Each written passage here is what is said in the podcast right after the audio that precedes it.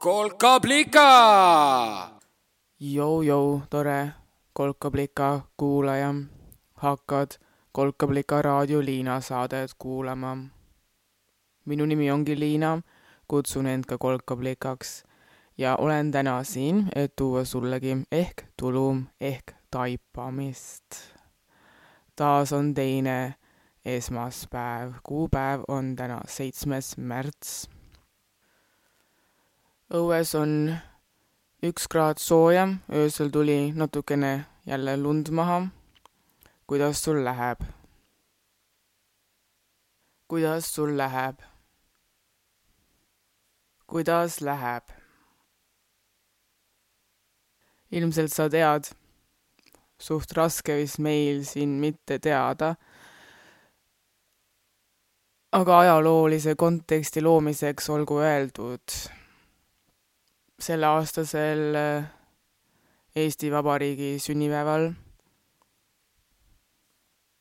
ründas Venemaa presidendi käsul Venemaa armee Ukraina riiki. Ukraina riigis on nüüd sõda. lendavad pommid ja sõidavad tankid. inimesed põgenevad. paljud jäävad kohale ka, ma uurisin netis ringi. Ukraina riigis on kodanikuna üles võetud nelikümmend neli miljonit inimest ja kuulduste järgi on sealt põgenema saanud juba rohkem kui terve Eesti rahvastik kokku. üle ühe koma kolme miljoni. Venemaal elab sada nelikümmend neli miljonit. siuksed massid, siuksed massid inimesi. kuidas läheb? homme on naistepäev. kas plaanid tähistada? mind on äh, terve need üksteist päeva kummitanud üks lugu esimesest klassist. minu esimesest klassist.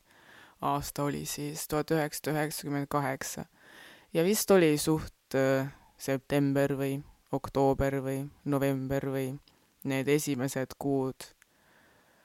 alles sisseelamise aeg, kõigega tutvumise, tuttavaks saamise. ja üks päev ma läksin kooli ja klassijuhatajat ei olnudki tulnud kooli. tekkis väike segadus, et mis mõttes, mis nagu juhtunud on, et kord on sassis.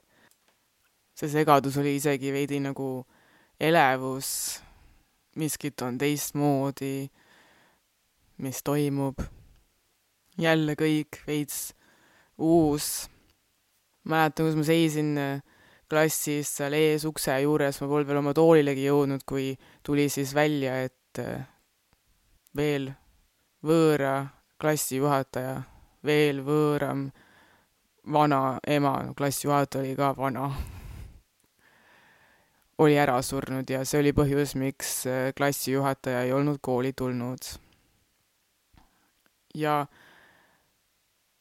ma vist julgesin äh, naeratada. ma ei mäleta, kas kohe selle uudise peale, aga vahel teada saamine, et mis siis tegelikult toimub või teadma-, jah, teadmatusest välja saamine toob ka niisuguse muige äh, suule, et noh, asjad on jälle kontrolli all, sest sa tead, mis asjad need on. igatahes ma julgesin, kas siis kohe või natukene hiljem, pigem ikka hiljem ja millegi täiesti muu, päriselt toredam, ilmselt tolles hetkes juhtunud äh, asja peale naeratada. mille peale ilmus välja üks klassivend ja teatas, et sellistes äh, tingimustes, kus su klassijuhataja ema on ära surnud, klassijuhataja, kes äh, on sulle veel võõras ja kelle ema on veel võõram, sellistes tingimustes kohe tingimata ei tohi mitte keegi tunda mitte mingisugust rõõmu. isegi kui oma mõttes korra oled juba kurb olnud ja sellele vanale naisele head teed soovinud. ei, surm on ikka sihuke surmtõsine värk. ja noh, muidugi on ka, aga olin ma siis juba nõutu. ja nüüd ka. ikka võib rõõmus olla.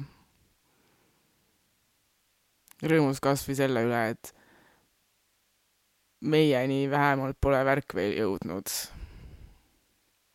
rõõmus, kui loed neist lendavatest hapukurgipurkidest või rõõmus, kui mõtled sest vanadaamist, kes äh, vastas rindel oleva sõduri taskutesse pani sihvkasid, et kui juhtub, et tema, see sõdur, siin maal sureb, siis vähemalt kasvavad sealt välja uued päevalilled. Rõõmus selle naise julguse ja pea siukse kelmika geniaalsuse üle. poeetiline, väga poeetiline. või siis rõõmus, et homme on naistepäev. sest äh, ega minu rõõm seda õudu õudsamaks ei tee. pigem teeb selle õuduse õudsamaks minu õud ja kurbus ja nukker meel. Ja enda meele üle saan ma valida. ma valin rõõmu.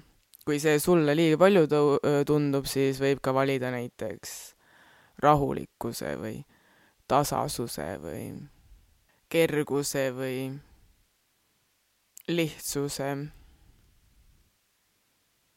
ma kuskilt kuulsin kõlakat, kuidas äh, kuskil mingid onud parastasid, et näe, nüüd ongi meil tõestus olemas, et nõidu ja nende võimu ei olegi olemas, sest kui ikka oleks päriselt äh, nõidudel võim ja nende võimul jõud, et siis oleks äh, sõda juba ammu lõppenud.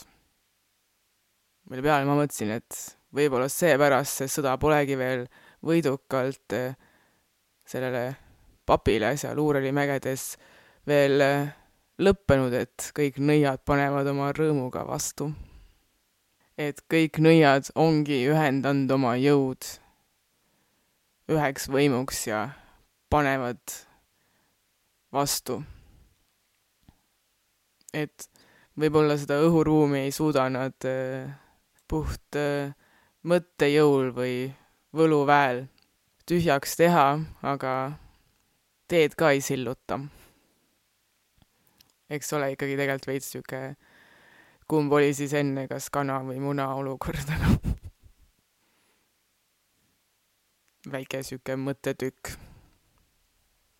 igatahes homme on naistepäev ja ma tahaks selle puhul lugeda natukene luulet. luuletusi paarilt või veits rohkem kui paarilt äh, autorilt. ja nagu äh, päevakajaliste raadiosaadete ja telku showde puhul kombeks, siis alustame me ikkagi ajalehtedest. ehk oled kuulnud, võib-olla ei ole, aga Tartust antakse välja niisugust ajalehte nimega Müürileht ja Müürilehes on igast artikleid, seal on mingeid arvamusartikleid ja intervjuusid ja räägitakse uutest plaatidest ja raamatutest ja näitustest ja maailmas toimuvast. Ja iga kuu avaldavad nad oma numbrist kolmandal leheküljel, nad on netis ka saada, muurileht.ee ja ma ütlen seda sellepärast, et kui sa ei ole suures linnas, siis sul on mõistlikum äh, minna toksida see veebiaadress sisse, kui minna poodi seda lehte otsima, sest minu teada need pole nad veel suutnud nii laialt levima minna, et iga külapood neist huvituks. Igatahes kord kuus või kord siis numbris nad avaldavad uut luulet, erinevate autorite luulet. ja siit ma leidsingi nüüd oma uue ähm, luule armu või, ma ei tea ja siit viimasest veebruarikuu numbrist ongi pärit mu esimesed etteloetavad luuled. Autor on nendel luuletuste autor on Kadi Sink, kellest mina varem ei olnud kuulnud, aga siin lehes ütleb, et ta varsti annab oma debüütkogu välja ja lisaks luuletamisele õpib veel animatsiooni. siin on avaldatud neli luuletust, aga ma loen neist ette kaks. esimese nimi on Kruiis ja teise nimi Uus võimalus, siis tead, millal üks lõpeb ja teine algab. parajat naistepäeva. Kadi Sink. kruiis. sõitsin rulluiskudega mööda Munakivi teed mäest alla. šampus ühes ja lilled teises käes. põsed tudisesid, huuled värisesid, süda võbeles, hingamisega ühte. kätega kuidagi navigeerisin õhku, põlvedest lasin pehmeks adrenaliiniklomp pitsitas kurku, aga karta või kahelda polnud mul mahti. kukkusin küll, isegi pea läks veidi lõhki ja pudel lendas muidugi suure pauguga kihisevateks kildudeks, aga vaat, lilled jäid nagu lohutuseks mulle alles. oru põhjas rauges hoog, jäin seisma. puhusin oma marraskil naha peale, laotsin räsitud õied haavadele ja jäin sedasi teepervele pikutama keha tuikas ja tegi valu, aga mu mõte oli lõpetanud kannatamise muru lõhnas ikka magusalt ja sittasest sampusest. Uus võimalus. hallide plaatide ükskõiksel taustal ootasid mind tuttavad tooted. tuterdasin riiulite vahel, võtsin, mis mul tarvis oli, mis mind meelitas ja jätsin kõik, milleta otsustasin hakkama saada piipitasin iseteeninduskassas oma selektsiooni, ükshaaval ja nädalavahetusliku kergusega julgustav salongi muusika taustal hõljumas. Kaks kõheda hingusega meest tulid minu kõrval kassasse. põgusa pilguga sai selgeks, et tegemist on tänaste peaparandajatega. mehed olid keskeale lähenemas, mõlemal jalas kiledressid, ühel seljas maika, varba otsas päevi näinud plätud, teisel peas tumesinine Husqvarna nokamüts. punane ostukorv nende vahel oli õlledest lookas ei teagi, mida ma seal ukerdama jäin, aga järsku kuulsin, kuidas üks mees teist noomis. ei, ei, võta ikka paberkott. Teine küsis, mispärast. esimene vastas, et come on, planeedi pärast ning ta hääles oli kurulikku rahu ja ilmselge tõsiasja konstanteerimise tülpimust kõndisin kaubamaja ise sulguvate uste mühinast mööda avara parkimisplatsi poole ja mu süda oli tulvil rõõmu mitte selle võtmata jäetud kilekoti pärast, vaid seepärast, et ma olin näinud valgust paigas, mida pidasin pimedaks. Hiljem hakkasin unistama keskkonnateadlikust telesaatest, mida need kaks meest juhivad, just sedasi, nagu nad olid, elust pisut räsitud, õlleunistus silmis, üks küsib küsimusi, mida inimestel piinlik on küsida, ning teine vastab nii täpselt ja ammendavalt, et see lihtsalt jõuab kohale. parajat naistepäeva. Järgmisena võtan ma ette raamatu ja võtan ette raamatu mu kõige esimese luuleraamatu, mis ma eal ostsin. Ja aasta oli siis väga ammu, aasta oli siis keskkool või põhikooli lõpp. see raamat on välja antud äh, kaks tuhat kuus ja luuleraamatu autor on Andra Teede. see oli, see on tema, see on Andra Teede debüütkogu ja Andre Teedet ehk teate, nüüd ta vist on teinud Õnne kolmteist viimasel ajal, on ju. igatahes minu teada ta oli ka umbes seitseteist või kuusteist või viisteist, kui ta need luuletused siin kirjutas eh,. Nagu umbes olin ka mina, kui ma selle raamatu endale ostsin. ja ma loen temalt eh, kaks luuletust, kaks luuletust, ma loen luuletuse Kole, kole kurbus ja ilma vähimagi süümekata paremat naistepäeva. Andra Teede. kole, kole kurbus. kurbus sobib mulle. Kole, kole ilus kurbus. ka siis, kui kõik on korras. maanteed sobivad ja üksi olemine, kange kole alkohol, sügav surnud uni. kurbus sobib, kurvad silmad, kurb ja vaikselt surev nahk muusikasse sobib vaikus, ärkvelolek öödesse, puhas hape, määrdunud hapnik, nähtamatu nukker neid, turri püsti aetud mõtted, kole võõras lähedus, kurbus sobib tänasesse, tule kole, kole kurbus, sööbu kenaks minu sisse.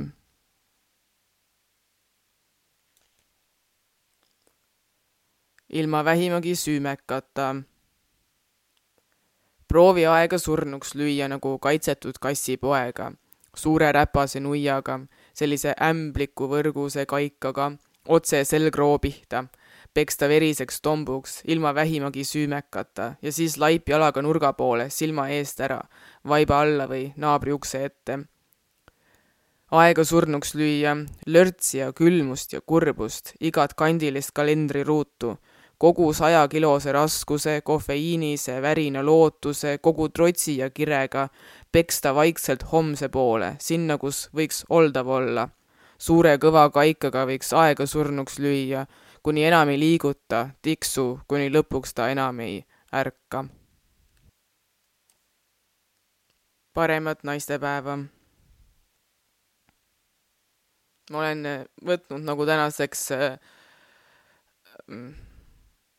tingimuseks või selle, et mul on need kõik raamatud siin äh, päriselt olemas.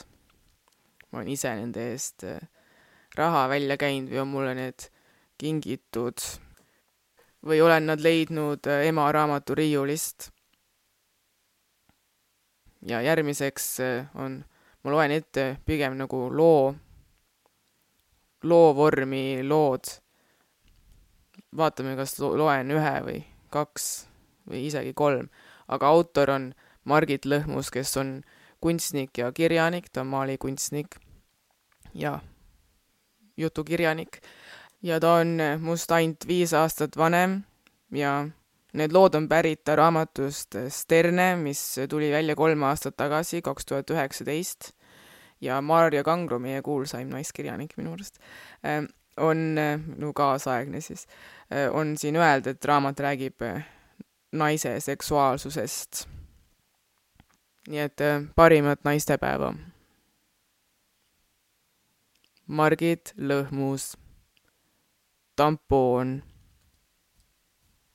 vaatan seriaali. ma ei tea, mis selle seriaali nimi on, vaatan lihtsalt mingit seriaali. kõik vaatavad mingeid seriaale, ma vaatan tuimalt, et mitte päris vaikuses olla. et mitte päris elus olla. vaatan seriaali ja tunnen, kuidas tampoon minu sees imab verd, mida eritan kõik mu tunded ongi sinna kitsasse verd eritavasse kanalisse koondunud tema kui tunne on ka seal eritumas ja tampooni sisse imbumas. varsti ma tõmban selle tampooni oma seest välja ja viskan vetsupotti. võib-olla enne viskan pilgu peale, et ehk ta nägu viirastub kuidagi sel end täis imenud tampoonil. ehk ilmutab ta end veel viimast korda mulle. on siiski vist targem see tampoon kohe potti visata. kardan kardan, et eh, muidu äkki tabab mind igatsuse hoog ja ma pigistan seda paksu limast supertampaksit, limane veri voolab mu näppude vahelt ja mu kinni pigistatud silmadest valguvad pisarad, suud ümbritseb nutuvõru ja ninast jookseb ohjeldamatult tatti. surun selle tampooni kõigepealt vastu oma nägu, kallutan natuke pead tampooni poole ja siis edasi surun selle vastu oma südant ja hoian seda seal kaua, kaua tegelikult ma ei saagi seda sealt nagu enam ära võtta. ma ei tea, ei tea, ei tea, kas ikka tasub see tampoon enda seest üldse kunagi välja võtta. ma pole veel selleks valmis, ma ei taha, panen hoopis uue juurde, viis tükki panen. ma summutan ta näo, ta hääle, ta kõik, summutan ta teiste nägude, teiste häältega. ma loen ühe veel. Margit Lõhmus Meeringtammis enam ei eruta jälestama. hästi suure punase ninaga mees, kole ja kortsus, aga hästi kiimas. ülikond paistab küll kallis, aga vajunud. mees paistab segane, samas kuidagi õhkub temast raha olemasolu ja ehk enesekindlust. suur nahktagi, kindlasti väga kallis, on vajunud ta keskmisel kehaehitusel.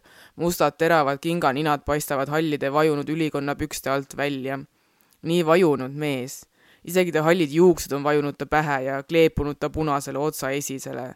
ta vajutab suurte kollaste juustega tüdrukut vastu posti, mis pole nagu post, mingi rauast vahega jurakas. igal juhul, kui kedagi sinna sisse vajutada, siis see võib valus olla. aga mees surub ja surub kirehoos, surub oma ninaga, oma keelega ja kehaga, surub nii kõvasti, et vahel kaob ta tasakaal ja peab sammu tagasi astuma. võib-olla selleks, et vaadata, keda ta surub. Suurte kollaste juustega naine, täpilise kleidi ja valge suure kampsuniga nii kampsuni kui kleidi nööbid on eest lahti surutud ja südame juurest, just kus peaks olema hästi soe, tunneb tüdruk, et tal on külm. varsti saab see läbi ja ta saab, mees on juba saanud. veel natuke aega kannatan seda külma nahktagi oma poolpaljale ihule kleepumas. veel natuke aega mu peal natuke valus ainult natuke veel katsuvad ja väänavad mu pead, pigistavad mu keha need karmid haisvad käed. Haisev keel mu kurgus, tahan oksendada, natukene veel ja ma viskan ära need katki kistud sukad. natukene veel ja ma saan üüri ära makstud. ja ma loen ikkagi ühe veel. Margit lõhmus. see poiss. ta jookseb minu poole olin juba oma kolme jäätisega, šokolaadi, mango ja piparmündi jäätisega omaette, mõtlesin, et miks ma selle piparmündi jäätise üldse ostsin, sest see tegelikult ei meeldi mulle enam eriti. tardunud, enne kui ta kohale jõudis. see poiss, see poiss, kelle pärast mul halba hakkas, see poiss, kes tundus mulle nii huvitav, et mõtlesin temasse armuda, ranid seljas, nokad peas, heledad lokikesed ja nägu nii naerul, olemine ja kõnnak nii, nii veider, kummaline, õnnelik ma tundsin vist rõõmu ja enda rõõmutust. kilekott poest ostetud asjadega käes jäin seisma ja vaatasin talle järele. rohelised püksid ja punane ranits. keegi ei käinud enam sellise ranitsega, nii vanaaegsega. kõndis ja rääkis mingite väikeste poistega, kes tal sabas sörkisid ja siis, isegi vist aastaid hiljem, talvel, kõndisin valgusfoori poole, olles just kesklinnas bussist number neli välja astunud, kui ta minust möödus ja mind oma hirmunud õudu täis pilguga saatis, kuivanud veri näos, tühi kollane kilekott käes. õues oli nii külm ja tema pilk oli hirmust kange. hoidis kätt oma kubemes. vaatasin talle järele, tal oli perse paljas, mis tal juhtus? miks tal perse paljas oli? miks ta oma pükse üles ei tõmmanud? ta vist ei tundnud külma, ei saanud aru, et tal perse paljas oli. ta ei tundnud midagi, sest mingid haiged parmud olid teda persse vägistanud jõhkralt ära kasutanud, mitu päeva kinni hoidnud ja piinanud või oli see elu, mis nii läks? võib-olla tema tegi midagi nende väikeste poistega tol suvisel päeval, lihtsalt et alati on olemas veel suuremad poisid. äkki ta lihtsalt mõtles, et tahab üht väikest poissi persse vägistada. ja siis vägistati tema hoopis ära. isegi ühiskonna põhjakihil on omad orjad enamasti on need poisid, sest tüdrukute kohta on muu nimetus. oleks ju imelik noort lihtsameelset, riitarlikku, siirast ja ausat poissi litsiks või prostituudiks nimetada. Lauri rääkis mulle, et ükskord sõitis bussis ja kaks haisvat parmu pudelikottidega olid ka seal. peatuses ootasid kaks väikest poissi, kes nende kotte hakkasid kandma. mingid seitsmeaastased või kümne, võiks ju juba aru peas olla, et ma ei teagi, mingite parmude kotte pole mõtet kanda. aga võib-olla need olid nende lapsed hmm seletab see mõndagi või? kahju, et ma teda nägin, aga ta vaatas mind, isegi kui ma poleks teda näinud, oleks ma tundnud, et ta vaatab mind. kooli jõudes pidin kohe pikali heitma, ma ei suutnud maalida. kuidas ma saan üldse maalida, kui maailmas toimuvad sellised kohutavad asjad? miks üldse maalida, kui maailmas toimuvad sellised jõledad asjad? ja nüüd, kui ma õpin veel maalijaga magistrantuuris Tallinnas, tuleb ta jälle jooksuga minu poole ja kõnetab, kõnetab, küsib kakskümmend viis krooni ja ma annan parimat naistepäeva.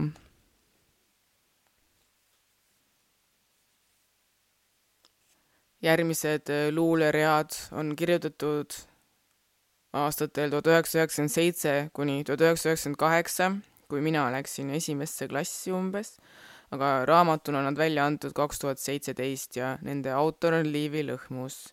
raamatu nimi on Pall ja jalu. ja Liivi oli äh, mu hea sõbra ema jõudu naistepäevaks. Liivi lõhmus. tuled vaikselt läbi tuule, tuled minu koja juurde, avan õhu aknama. Lähme koos lendama. kohtume sealpool lendamise piiri, sealpool päiksekiiri, sealpool unustust ja ust, sealpool vasest kannatust. Vastuvoolu või allavoolu, allikani või mereni, omaenese vereni. ka kõige vägevamad puud murduvad tuules, kuid ikka ja alati sirguvad sinna uued. oh tuli, tõuse taeva, ärata mind üles. liig kaua olen maganud maa mustas süles. läbi suvede ja sügise, läbi tormituulte silma, tule, ära karda, armasta seal silmast silma. kuulsid just kuut erinevat väikest luuletust seatud ritta. jätkame kollaseid välke taevas on täis, kõigist ja kõigest hüljatud naine vihma all käib. rusikaid tõstes needusi sajatab, puu alla vajub ta, ikka veel vabana arutult armastab külma ja sõgedat maailma. laps on ilmale tulemas, kaugel on koda ja kolle. naine, sa oled veel olemas, las tuul võtab su enese sülle laps sündis, vihm puhtaks ta pesi, ema põlvitas, pea kohal tuli ja vesi. Nüüd tuleb veel üks äh, kuuene luulekimp. Liivi lõhmus. ma teadsin, luua ma ei või, kuid sõnad pähe tagusid ja edevus ja au mu ajus ajasid seal vagusid ärge pange pahaks, usku pole mul. ärge pange pahaks, ära minna tahaks. Tahaks sinna, kus on vaiksed puud, tahaks minna, silmad kinni, kinni suu. ämbrist kaevule loksub vesi, maailm on üksi ja kahekesi. palve on vaene ja süda on noor, hommikul hingel on heledam toon see pole taevas, õrn ja pime, sel loodusjõul ei ole nime. See loob ja hävitab ja haiget teeb, kuid lendu tõustuda ei oska veel. tao need trummid valusaks, valusaks ja ilusaks. tao need trummid läbi enese ja teiste, tao need trummid elusaks. tuulde kadus kurbus, maha sadas rõõm, vaikusse liig suurde suubus kirelõõm kuulsin kutset, järgneda on aeg, maailm maha jääb ja vaev. jõudu naistepäevaks. järgmine autor, ma loodan, ei vaja suurt tutvustust. järgmisena on ettekandmisel luulet aastatest tuhat üheksasada seitsekümmend seitse kuni tuhat üheksasada seitsekümmend kaheksa. väga palju aega enne mind. ja autor on Leelo Tungal. lusti täis naistepäeva. Leelo Tungal. tark mees ja tavaline naine mis on minu hinges, mis on minu sees, hüüdis ihust ja hingest üks haritud mees. mul ülev on süda ja suur on mu sapp, ainult naine on maine kui kassitapp. ma looduse kuningas valitseks maad, naisel küljes on kündimis ja koriluslaad, tema maailma kaaluks on kapsas ja kaal. kätest koorumas kartulikoore spiraal, naine vabandas kullake natuke veel, sul tühi on kõht, sestap sapine meel. on ju minulgi aimu suurest hingest su sees, minu sees laps on ainult isaks haritud mees. Leelo Tungal, meelitaja. Keelel, meelel, valged rakud, taldalakud, salgad, lakud, nii et vaadata on hale juba kaugelt vaatajale. võiksid nüüd vast lõpetada, kuid ei passi õpetada. see su tõsimeelsust riivaks, kardad, kõik on läinud kiivaks. mis siis ikka, söö ja salga, kuigi saapas pole jalga Leelo Tungal kehast. kui võtta nii, et kõik on saadud laenuks, ei ole põhjust vihaks ega vaenuks. kas segab see, et laenajat ei tunne? meis elab priiskav pügamise tunne, kuid lagastatav, tagastatav keha meil tasuks, tasuks kaalukamaks teha kuid lagastatav, tagastatav keha meil tasuks, tasuks kaalukamaks teha, on sestap aus vist, raskeks süüa endid, et muld saaks laenust priskemad protsendid. siin on pääsuke tagakaanel. luulekogu nimi on Veeni viidi viidit. ja äh, nüüd tuleb viimane luuletus Leelolt. ja üldse eelviimane olemegi jõudnud äh, peaaegu lõppu. luuletuse nimi on äh, Seal. seal vanadus on kumamas, mis minusse ei puutu. mu usk on noores Jumalas, kes kunagi ei muutu. ei roosteta, ei hallita, oi kahejalgse kindlust ja kui ta hääl ei trallita, siis igatseb ta mind just. ja kui ta laup on kurdudes, siis mitte east, heast elust. ta esihamba murdudes teeb laulu kujutelust. kui lüüriline lüüraharv on juba keelepiidest, kui kahvatu on juuste karv ja kael kui kotiriidest, mu puuslik, vanemad ka siis me pole sisult isult, viiv vaid meid nende sekka viis, kes uuemad on pisut lustitäis naistepäeva. viimane luuletus äh,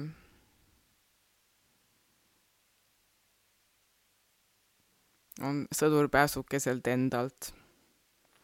ja see on pärit aastast kaks tuhat kaheksateist. täiendatud sai see täna hommikul ja selle nimi on Näokorrad. vägevat naistepäeva näokorrad. esiteks, kontsakingades voodil hüpates. kaks tuhat, õmmeldud kulm. teiseks, hambaarsti kabinet, millalgi kahe tuhandendatel. kihvas sai esteetiline hammas. kolmandaks, KK korteris vastu vetsuust millalgi kaks tuhat üheksa kuni kaks tuhat üksteist. halvatud suuneljandik. neljandaks, Kungla tänaval maja ees porri kukkumine, kaks tuhat kolmteist. haav otsa ees ja nina peal. viiendaks, Raja tänava peol näoga vastu asfalti, kaks tuhat kolmteist, Pille sõnul, näohaavad. kuuendaks teel Eurovisiooni vaatamast koju kuskil Viini neljandas linnajaos. kakskümmend neli mai kaks tuhat viisteist.